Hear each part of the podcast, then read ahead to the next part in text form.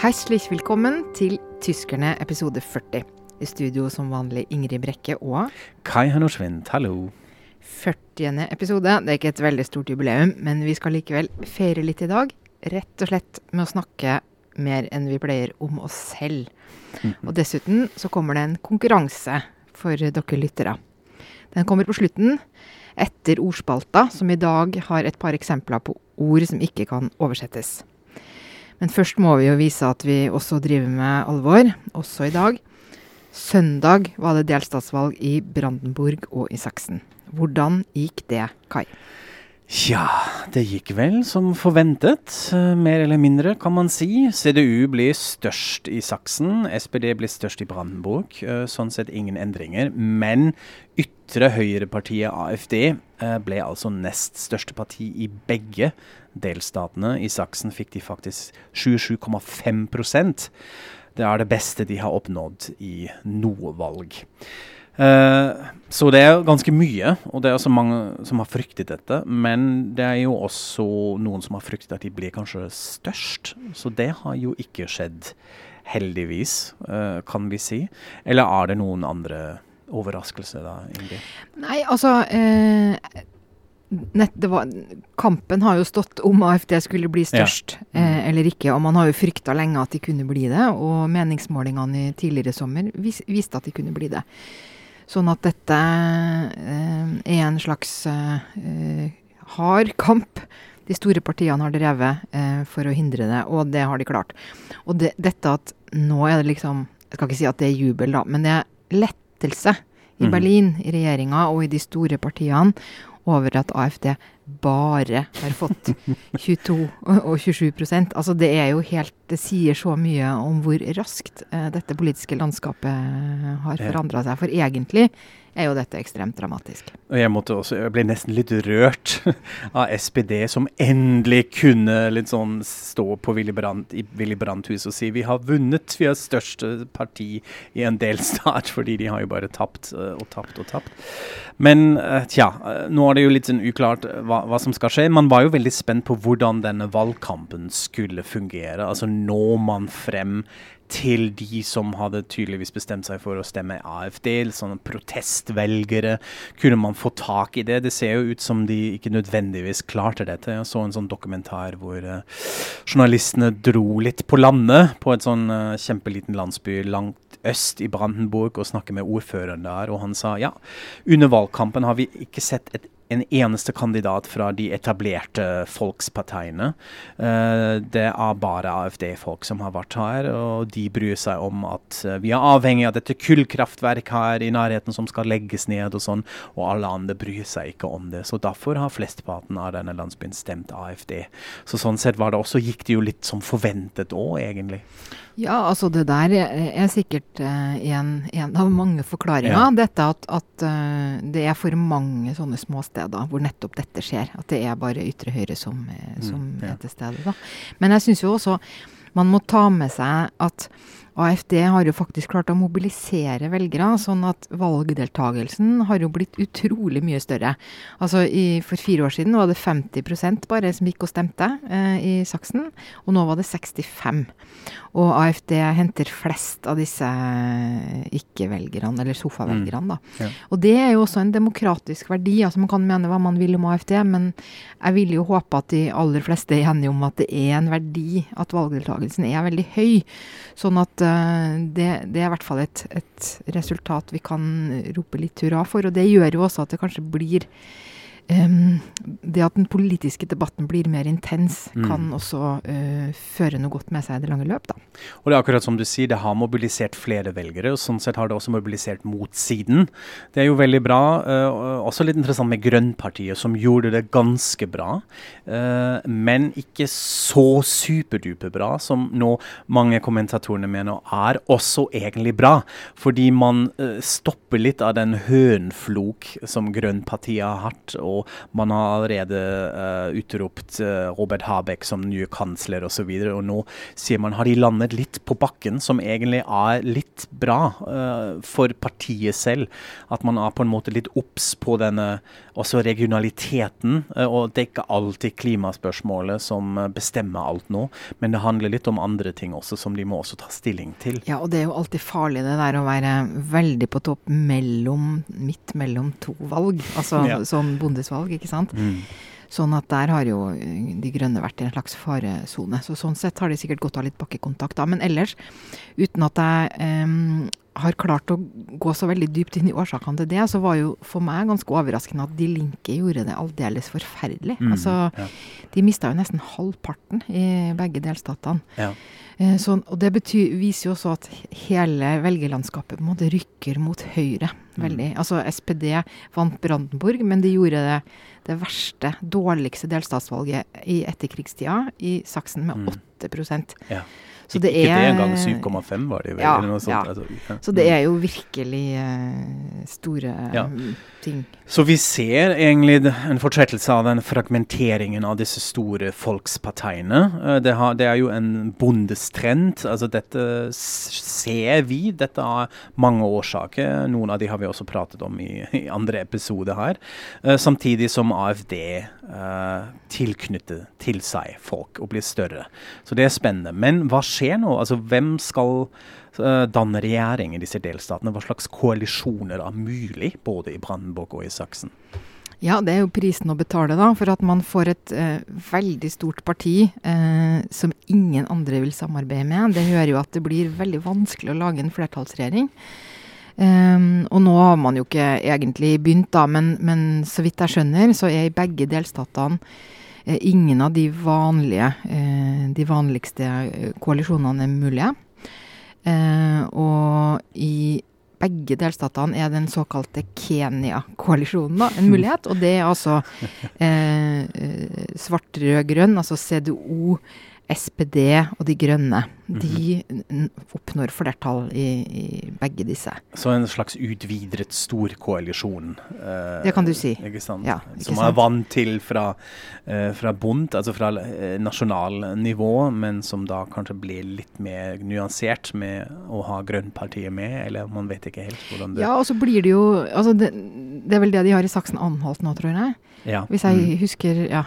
Uansett, de har i hvert fall en sånn type mangepartis mm. uh, uvanlig koalisjon der òg. Og ulempen med dette er jo også at eh, hvis man skal drive på sånn at det eneste som gjelder er å være mot AFD, så får du jo også veldig lite kontrast i den andre politikken, da. Ja. Mm. Eh, så derfor kan det jo hende at altså Så vidt jeg skjønner, så er det i Brandenburg også mulig med rød, rød, grønn, og det er kanskje en litt mer sånn uh, kontrastfremmende koalisjon, da. Ja. Men nå får de nå bare forhandle, og så får man jo bare se um, ja. Eh, hvordan det går seg til. Og så er det jo også litt interessant å se um, hva slags type opposisjon AFD kommer til å være. Altså, de er jo vant til det. Det er jo på en måte deres rolle at de sitter i alle disse delstatsparlamenter og sutrer og sier imot og pirker og sånn.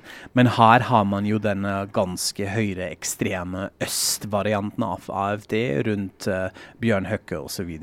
Uh, som er veldig snill i disse intervjuene som jeg har sett, og ja, demokratisk. og vi skal være en konstruktiv opposisjon og sånn, vi skal minne bla, bla, bla. Men det skal vi jo se. Hva, hva, ja, de har jo vist seg å være mm. relativt lite eh, konstruktive i praksis ofte, ja. da, og er sånn eh, aksepterer ikke spillereglene, Nei, og det er veldig det er det. vanskelige. Mm. Uh, så det blir interessant. Det blir interessant, ja. Men mens vi da er inne på politikk, eh, så kan vi også mikse det med det litt personlige, Kai. Oh God. For du har jo tapt et veddemål. ja. ja! Kan du minne lytterne på hva dette var? Det gjør litt vondt, må jeg si.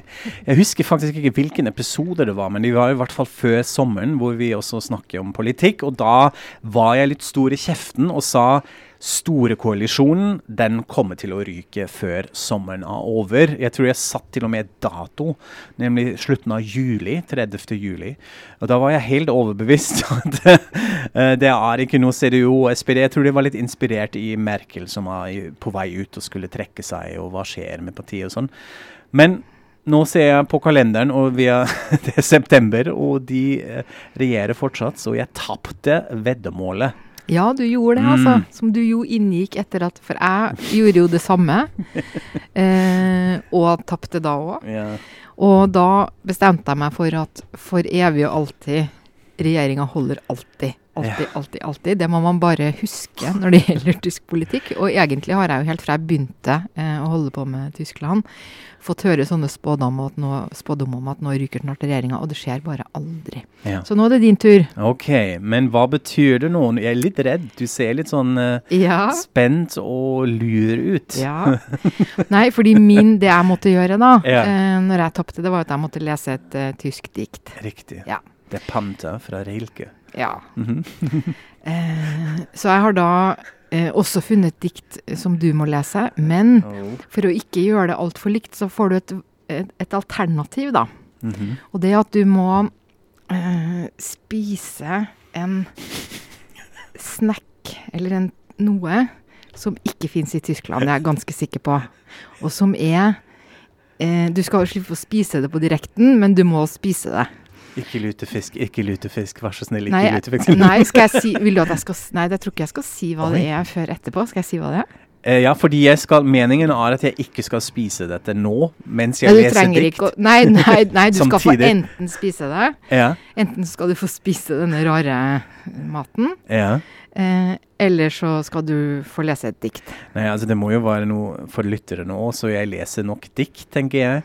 Men jeg kan jo spise denne Du vil, saken du vil gjerne spise dette rare, du? Ja, nå er jeg litt spent. Ja. Du må jo si det. Ja ja, ok. Nei, fordi egentlig hadde jeg nemlig tenkt å skaffe noe sånn derre hvalpølse eller noe sånt, fordi det er jo det verste, sikkert, for en eh, ja. Politisk korrekt. Men eh, så fant jeg jo ikke det i en form som Ja. Men Fant bare en hel hval, og det var litt da- vanskelig å få inn i stedet. ja. Så det jeg da har med, det, det er sånn små strimler av eh, hjort... Nei, av eh, reinhjerte. Oi. Ja. Som er en samisk ting, da. Okay. Men det er jo enda mer eksotisk. ja. Så det har jeg med. Ja. Eh, så du, da kan du få eh, se på det. ja, da skal jeg det, Men den spiser jeg senere. Ja, den ser det skal ja. litt skummel ut, så kan jeg fortelle hvordan det gikk. Den er også litt sånn uh, vakuuminnpakket. Ja da. Hjerte. Ja. Ja. Skodirein snacks. High quality naturally dried reindeer meat. OK. Ja, men uh, takk for det. ja. Nå er jeg litt spent på du diktet. Ja, eh, diktet det er da Trymskvia. Som jeg eh, Jeg gikk jo på Steinerskolen som barn, og da kunne jeg alle de 32 versene utenat. For det måtte vi lære i klassen da. Så eh, da tenkte jeg du skulle få lese de to første versene av dette. OK. Og dette er jo et eh, Edda-dikt fra norrøn tid. Oh, Jesus. Ja. Ok. Siden du gikk på Steinerskolen, kan jeg danse de første to Nei, beklager. OK, jeg vet ikke hvordan dette går, men jeg prøver. Trymskvidda. Vreit var vinktår, da han vakna, og hammeren sin han mynde sakne. Skjegg han riste, hedna han skokk, tokk sånn åt jord om seg og trivle. Og han dei ordi alle først kvadd, høyr du lukke her kva eg seier, som ingen på jord hell i oppheimen veit, frå åsgud hev dei hammeren storlig. Ikke så verst, sier er jeg i, i, min selvhøytidelige selv. Det er kjempebra. Ok, jeg vet ikke hva jeg leste, men jeg prøvde å fremføre. Veldig bra. veldig bra. Jeg ble litt stille, for jeg trodde faktisk det var bare ett vers, men det var to vers. Ja, det var to vers. Ok, bra. Ja, men da har jo noen fått ut noe av dette. Det var Lytterne og deg, eh, og jeg tapte eh, veddemålet. Ja. Så um, ja, nå er vi ferdig med dette. Tusen takk, Ingrid. eh, og nå må vi snakke om noe annet. Kanskje litt om deg, Ingrid, eh, i dag. Fordi det har vi jo lovd i introen, at vi skal snakke litt om oss selv på en viss måte. eh, nemlig eh, For du, du kommer snart med bok. Du har skrevet bok. Og nå er den ferdig, eller? Ja, Hvor er den nå? Den er i, eh, i trykkeriets irrganger. ja, så jeg, det jeg føler at jeg er den jeg vet ikke, det, Når man skriver bok, har jeg oppdaga det er veldig mange perioder hvor man går og sier 'dette er den verste perioden'. Ja. Eh, mens egentlig elsker man alt sammen. Men jeg føler nå at det er den verste perioden. Og det er nemlig at alt er levert. Ja. Det er for seint å gjøre noen ting. Men den har ikke kommet. Jeg har ikke Ja. sett den, og ingen andre har liksom sett den fysiske boka. da. ja, det er spennende. Så. Men hva handler den om? Hva Jo, den om? handler om Polen. Eh, og, og det er altså en bok om I utgangspunktet, så- ja, som dere jo som pleier å høre på vet, så er jeg mest av alt interessert i politikk. Så den handler om eh, hvordan, eh, den, hvordan Polen er i dag. Om den, hvorfor har de valgt en sånn veldig eh, konservativ, nasjonalistisk eh, regjering, og hvor eh, farlig er den regjeringa. Eh, men for å forklare det, så må jeg jo tegne opp et bakteppe av eh, mye historie, eh, litt analyse, litt sånne ting, da. Mhm. Kan du si hva den heter, fordi den har en så fin tittel? Ja, den Mhm. heter 'Polen. Mm. Aske og diamanter'. Ja, og Aske og diamanter, det er en film? Det eh, er en fra- film. Ja. Det er en film eh, laga av Andrej Wajda, som er den kanskje aller største polske eh, filmskaperen. Mm. Eh, som la, laga filmer i hele etterkrigstida, og døde for bare et par, par års tid siden, tror jeg. Eh, produktiv til det siste. Dette er en tidlig film fra 60-tallet, og, foregår, og den foregår da akkurat når krigen er slutt. Mm -hmm. eh, og jeg valgte jo den tittelen eh, mest fordi jeg leita etter en sånn ordentlig kontrast, fordi Polen er et sånt kontrastland, da. Og så Ja. oppdaga jeg også etter jeg hadde valgt tittelen, og sånn, at eh, filmen er egentlig basert på en roman. Og den fins på norsk, så den holder jeg på å lese nå. Så okay. det er jo veldig spennende. Det er veldig gøy. Kult. Når du sier at du uh, lager et slags bakteppe, historiebakteppe, om å forstå hvorfor Polen er som den er i dag, er det litt sånn hele historien? Går vi helt tilbake og ser på hvordan Polen ble til, eller holder du deg til den nærmeste historien? Jeg holder meg Det er ingen kronologi sånn Ja. at nå forteller jeg historien om Polen. For det trenger man mye mm, å være historiker for å gjøre, og, og gjøre en- på en litt annen måte. Men jeg bruker Jeg viser de bitene av historien som betyr mest for dagens politikk, da. Så jeg, det handler ganske mye om andre verdenskrig, for det er fortsatt veldig sånn present. Og så handler det litt om eh, solidaritet, altså motstandsbevegelsen i, i kommunisttida og sånn. Og så lite grann går jeg lenger tilbake den gangen Polen var en gang det største riket i Europa og sånn. Mhm, Ja. Riktig. Eh, og så er det jo, toucher det jo inn på Tyskland også, og det polsk-tyske forholdet. Du har allerede nevnt andre verdenskrig, vi slipper Ja, ikke om, unna, det må vi snakke nei. om. Men snakker du litt om Polen i dag også, eh, om Tyskland i dag, eh, forholdet de har i dag? Ja, lite mm. grann gjør jeg det. Og det. Det er jo et litt sånn skrantende naboskap eh, akkurat nå, da. Fordi, eh, nettopp fordi krigen er så present, og, så, og den sittende regjeringa bruker Tyskland og tyskerne som et eh, fiendebilde for å, å øke oppslutninga si hjemme, da. For eksempel så, så er det nå en slags jeg vet ikke om jeg skal kalle det instruks, eller det er et slags ønske eh, fra toppen av systemet og ut til alle sånn museer og institusjoner at man, når man snakker om krigen, så skal man ikke si nazistene, men man skal si tyskerne.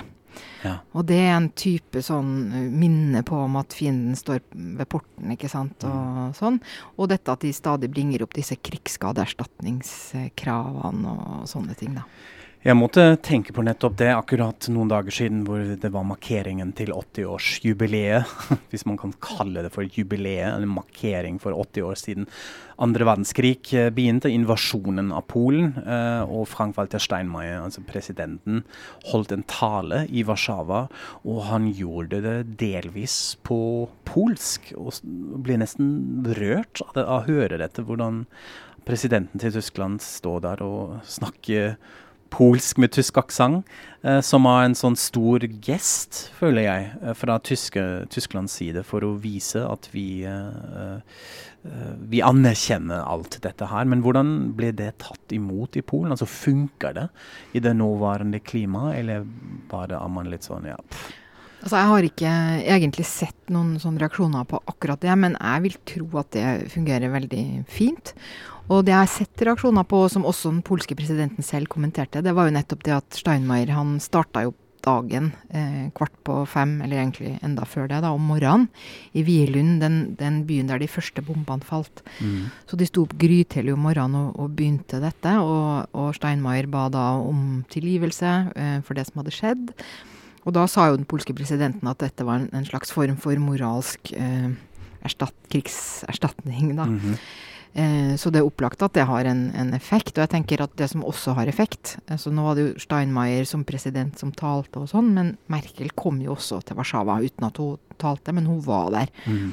Og hvis man skal være litt sånn derre eh, tabloid, så kan man jo si at eh, hvis de skal velge hvem som er de ekte vennene Så Trump han lovte å komme, kom ikke. Og eh, Tyskland for lenge siden hadde selvfølgelig lovt Steinmeier, og han kom og var med på alt. Og Merkel kom litt mer spontant. Ja. Så man ser jo hvem som virkelig bryr seg om mm. dette, da. De sendte jo Mike Pence og Ja da, det gjorde de. Det skal de ha. Det gjorde de, altså. Eh, men eh, jeg har jo fulgt litt med, eh, mest for å Altså ved å se at du reiste ganske mye i, i, det siste året. Du var jo massevis i Polen og snakket med folk og researcha dette skikkelig. Um, hvis du tenker litt tilbake, er det, er det noe der en, en, et sånt møte som gjorde mest inntrykk av disse menneskene? Det er jo noe annet hvis man snakker med folk. Sammenlignet med når man leser historiebøker og avisutklipp og sånn. Husker du noe da, eller er det noe som sitter fortsatt uh, igjen? Ja, altså det jeg syns Det som gjorde sterkest inntrykk på meg, det var jo at jeg møtte uh, Altså, dette er jo ikke kategorien vanlige folk, men jeg møtte jo en, en regjeringa, en borgermester fra samme parti, og en leder for en erkekonservativ katolsk advokatorganisasjon. Eh, og alle disse tre mennene var veldig vennlige, veldig hjelpsomme, brukte mye tid, forklarte meg ting. Eh, som jeg selvfølgelig setter veldig pris på. Og de mener Altså, vi er jo uenige om nesten alt. Eh, jeg er jo en klassisk sånn her liberal, vestlig ja. du vet. ja.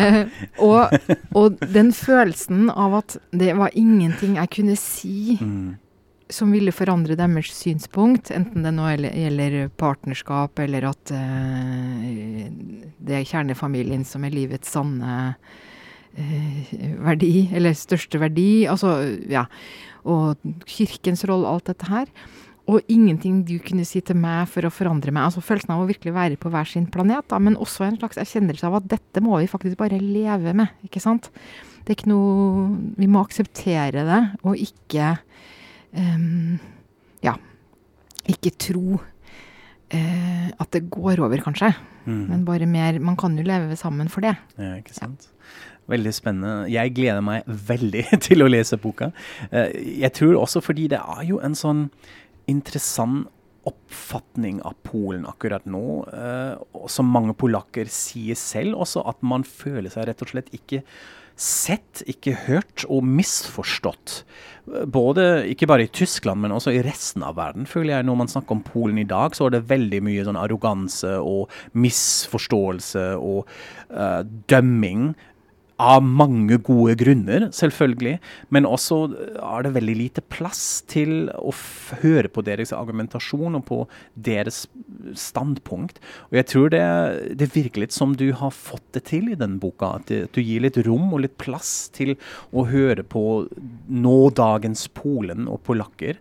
Uh, med all den friksjonen dette innebærer. Uh, så det tror jeg er veldig viktig, at vi har en sånn bok som det. Og så nå reklamerer jeg skikkelig egentlig. Og du, du, du rødmer litt. Dette var ikke avtalt her, på en måte. Men uh, nei, jeg, jeg, gleder meg veldig, og jeg tror det blir, det blir veldig relevant. Det blir spennende uh, ja. å ha en sånn bok. Nei, men jeg håper det, og jeg, og jeg merker jo også selv at jeg har forandra litt mening ikke mm -hmm. sant, underveis. At uh, jeg har jo, særlig da tilbake til krigen igjen, at jeg kjenner jo dette veldig godt fra før, fra tysk side, og har på en måte trodd at jeg har tatt høyde for de polske opplevelsene, men det har jeg egentlig ikke. Ja. Så nå har jeg fått et uh, mye bedre innblikk nettopp i denne lidelsen og denne bakgrunnen, da, som jeg tenker at uh, gjør at jeg forstår bedre nå enn før, og som gjør at jeg tenker at de har litt mer rett enn jeg tenkte før. Det var krigen. Polen. nå må vi også snakke litt om deg, Kai. Ja. For du har jo også skrevet bok, og det er jo veldig morsomt at du har til og med skrevet bok eh, som kommer nesten Ja. akkurat samtidig. Ja.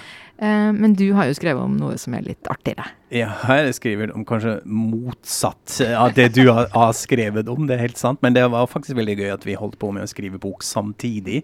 Har hatt noen veldig stressete møter, og åh, så slitsomme livet vårt er fordi Ja. vi skriver bok.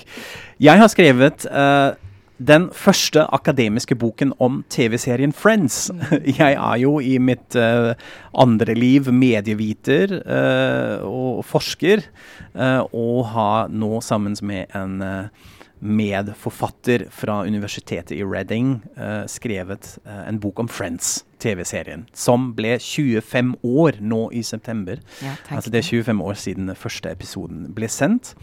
Eh, og um, det var på tide at noen skrev en bok om det, fordi det fins veldig lite om det. Har du et sånt forhold til Friends? Har du sett eh, Å, ja. på det på denne tiden? Jeg, sett, eh, jeg så masse for veldig lenge siden. Om det var akkurat da det kom, eller om det var litt etterpå, det husker jeg ikke. Men i hvert fall hadde jeg stor glede av det da. Og litt på grunn av det så så jeg jo om igjen en del i fjor. Mhm. Og ble overraska over hvor artig jeg fortsatt syns det var. eh, og særlig hvor mye jeg likte Phoebe. Ja, favorittkarakteren din, Phoebe, er veldig bra. Ja, det var nettopp denne, en litt sånn rar blanding Um, eh, som motiverte oss til å skrive den boka. Fordi på en måte er den fortsatt så utrolig populær. Den eh, er på Netflix høyt opp. Mest sett. eh, mange folk snakker om dette. Man har disse samtaler hele tida. Eh, men man har også opplevd en slags backlash i de siste årene. Spesielt fra USA og i den veldig sånn politisk korrekte konteksten og i det politisk korrekte etiske klimaet hvor alt er problematic.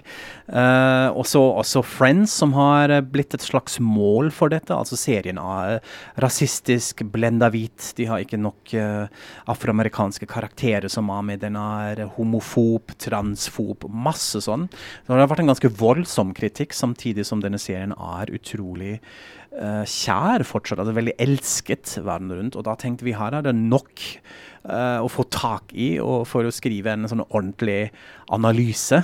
Uh, og det har vi gjort. Altså vi har prøvd å finne svar både på det suksessoppskrifter. Altså hva er det med denne serien? Hvorfor har den fungert så bra? Uh, og vi mener at det har noe med intimiteten å gjøre, som den klarer å skape med seerne på alle mulige nivåer. Det er i humoren, det er i skuespill, i settdesignet. Vi har skrevet ett kapittel hvor vi bare analyserer leiligheten til Monica. Hva er det med fargegiving da, med hvordan den ser ut? Eh, men også backlash, som vi mener man må på en måte plukke fra hverandre litt mer detaljert. Fordi det er ting som er, uh, med våre øyne i dag, problematisk. Uh, som også skap, serieskaperne selv sier. Og vi har jo fått muligheten å snakke med mange av de, med de som lagde Friends. Produsenter, manusforfattere, regissører, som var utrolig spennende. Men vi mener også at det mangler rett og slett litt kontekstualisering. Dette er en serie som ble lagt på 90-tallet, hvor man hadde en annen kontekst. Eh, så man må eh, rett og slett se litt rettferdig på den, mener vi. Selv om det er mye å kritisere. Ja, for jeg tenker jo på den først og fremst som en veldig snill, eh, snill og varm og koselig serie. Det er noe med det der eh, at man når man ser på humor, f.eks., at den har en varm tonalitet. En, selv om den er, kan være litt slem og litt sarkastisk og eh, tyllete og alt det der, så er den varm. Den tar deg inn. Eh, mye basert på disse seks hovedkarakterene som man identifiserer seg med, eller som føler en del av gjengen. Og da spesielt i kontrast til f.eks. noe som Seinfeld, altså den andre store serien fra 90-tallet som mange fortsatt er veldig glad i, inkludert meg òg. Jeg digger Seinfeld, men dette er da, som vi bruker denne analogien, en kald humor. Nesten litt sånn sinofobisk. Det handler ikke om å elske og, og, og gi hverandre en klem. Det, har, det handler om å være litt sånn snarky mot, mot hverandre. Som Seinfeld hadde jo et sånn motto 'no hugging, no learning'. Uh, men Friends, da er det mye hugging. Ja. Uh, og det er derfor tror jeg også at den fungerer fortsatt til i dag, og fungerer med unge mennesker, millennials. og Vi har snakket med 12-13-åringer som oppdager den serien nå, og hvor den fungerer nesten like bra som den gjorde 25 år siden. Så da har de klart å knekke en slags kode, og det har vi prøvd å kartlegge litt og skrive om. Men har du noe tysk link her? Ja, selvfølgelig har vi en tysk link eh, i Friends-boka òg. Vi har ett kapittel hvor vi ser på hvordan serien fungerte verden rundt. Det har jo blitt en globalt uh, suksess. Uh, men ikke så mye i Tyskland. Og grunnen uh, mener vi er den ganske dårlige tyske dubbing-versjonen. Ah. Altså Friends blir jo dubba på tysk, og tysk dubbing er vanligvis av ganske god kvalitet. Uh, men Friends har de fucka litt opp, for å si det rett ut. De har ikke helt skjønt uh, um, hvordan serien fungerer. Det er veldig dårlig voice casting, altså stemmene. De tyske Friends-stemmene fungerer nesten ikke i det hele tatt. Så var det mye annet som ikke fungerte i begynnelsen. De har f.eks. sendt serien ikke i den ordentlige rekkefølgen da den først kom. De har bare litt sånn rota litt med episodene, og det var umulig å følge med. Uh, etter hvert kom det seg litt, og det blir en suksess, men ikke som i mange andre land, hvor dette slår jo an gigantisk. Uh, så da er Tyskland litt utenfor, og jeg tror det skyldes uh, ja. tyskerdubbingen. Nettopp. Ja. Men du har jo da uh, skrevet denne boka på engelsk. Og hvordan er det å sjonglere tre språk? Ja, uh, altså nå er jeg litt vant til dette fra jobbkonteksten min. Altså jeg skriver jo for det meste på engelsk når jeg publiserer forskningsartikler og sånn. Så jeg er litt vant til det. Men det å skrive bok uh, er jo en sånn egen uh, liga, så det var ganske krevende. Heldigvis hadde jeg som sagt en veldig flink og kul medforfatter som Uh, ikke uh, er um, veldig bra på engelsk, uh, men, fordi hun er tysk, egentlig, men hun har bodd i Storbritannia i mange oh, ja. år, så hun er veldig mye mer inn i engelsken. så jeg fikk både en medforfatter og en redaktør som kunne språkvaske litt og da, og supervise, supervise litt. Så det, det, funker veldig fint, men jeg føler jeg har fått en slags ekstra ilddåp nå med akademisk engelsk. Og har kommet meg litt hakket opp. så ja, det blir veldig spennende. Dette er jo en akademisk publisering, så dette blir ikke en bok som, som, din, som står i Tanum, og som man kan møte ute da, i disse bokhandlingene.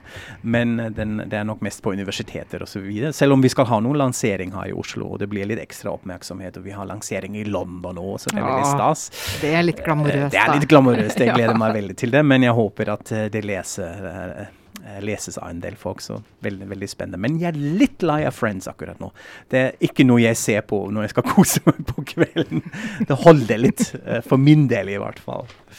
Ja. Men ord, det blir vi aldri le av, Kai. Nei. Nei. Og da skal vi til dagens uh, ordspalte. Og denne gangen jeg hadde et uh, par ord vi fikk fra en uh, lytter. Og dette er altså norske ord som ikke Fins på tysk, visstnok. Og det er Tåkepratet og tyvlåne. Utrolig fascinerende, for de har jeg virkelig aldri hørt de før. Jeg har aldri hørt ordet tåkeprate eller tyvlåne.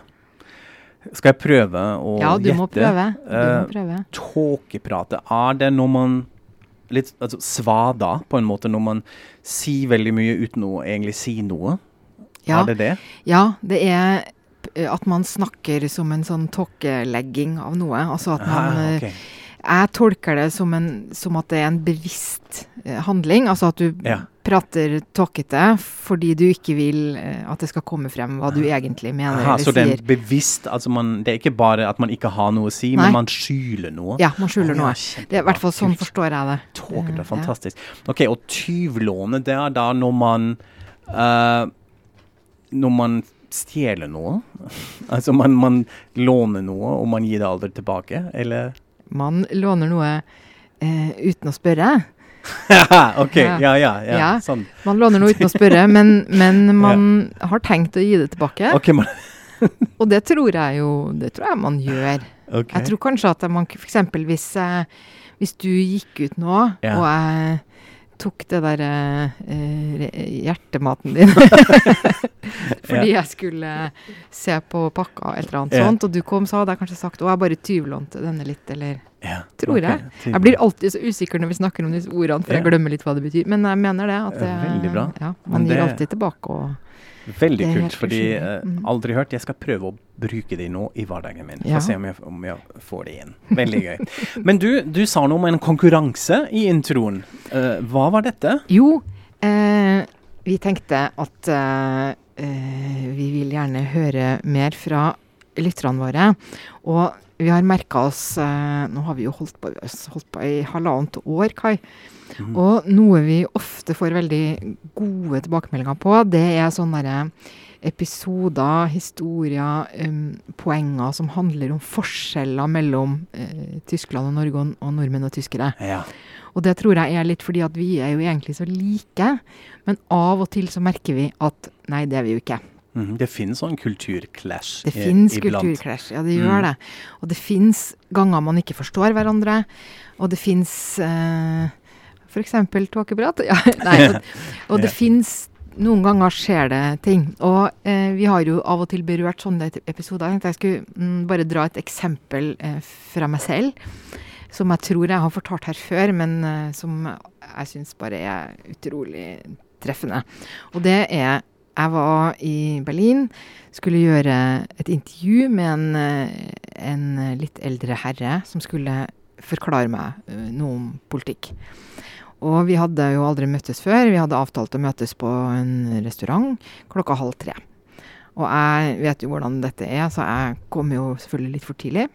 Satt klar ved bordet, og han kommer, og det er, la oss si, 14.32. Altså to minutter over halv. Og han er veldig sånn oppkjasa og unnskylder seg veldig og sånn, og jeg sier da ehm, det gjør ingenting, det var bare Det er jo bare to minutter. Og så blir han helt sånn alvorlig i ansiktet, og så sier han det var to minutter. Det er liksom ikke noe å spøke med.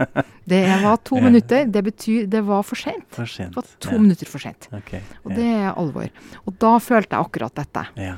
Dette er et møte med noe erketysk som vi ikke har i Norge. Nei, absolutt. Det er et godt eksempel. Jeg vil si at det er litt generasjonsavhengig òg, fordi unge tyskere hadde kanskje ikke sett det på samme måten. Men det er helt rett, dette er noen erktysk klisjé, og nettopp en sånn clash som vi mener. Jeg bruker jo ofte det eksempelet med å pynte seg på en, til en fest, fordi det gjør ikke tyskerne nødvendigvis med hver eneste sånn enkel bursdagsfest. Det har jeg også gjort selv. Jeg har fått stygge blikk fordi jeg har dukket opp på en fest med jeans og sneakers, eh, hvor alle var veldig pyntet med dress og kjoler osv.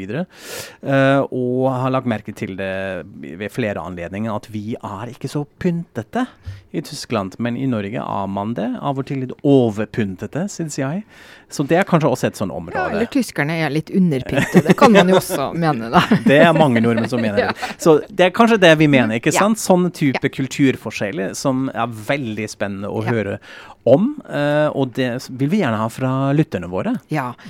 Og da eh, tenkte vi at eh, bare skriv det ned. En episode du har opplevd, eller et sånt fenomen, eller et eller annet. Og send det inn. Og da kan du enten sende det eh, Vi har jo Facebook-sida vår, Tyskerne, og der kan du sende i, i Messenger, altså sende via den sida. Men vi har også fått oss nå e-postadresse, så du kan også sende på e-post. Og e-postadressen vår, den er da tyskernepodkast med k at gmail.com. Altså tyskernepodkast Ett Et ord. i ett Mm. ord med k. At, altså krøllalfa, gmail.com. Og så kan man også gjerne si fra hvis man ikke Vi skal egentlig ikke bruke navn. Vi uh, forteller om disse episodene litt sånn anonym, men med mindre man vil at vi Hvis skal man gjerne vil, kan man også få navnet sitt. Da, ja, eh, men ikke vær redd, vi vet hvor engstelige mange av dere Ja. er for, eh, for eh, dette. Og det blir også en premie, en bokpremie. Ehm, den kan vi kanskje legge ut på eh, Facebook. Det Ja. er en, en ny bok om Norge, skrevet av en tysker, nemlig Alva German. Og vi legger ut litt om den, så dere kan se. Men vi håper vi får mange bidrag. Eh, og da sier vi takk for oss. Og bare fortsett. Eh, kommenter, lik og del. Og auf Wiederhören. Auf Wiederhören.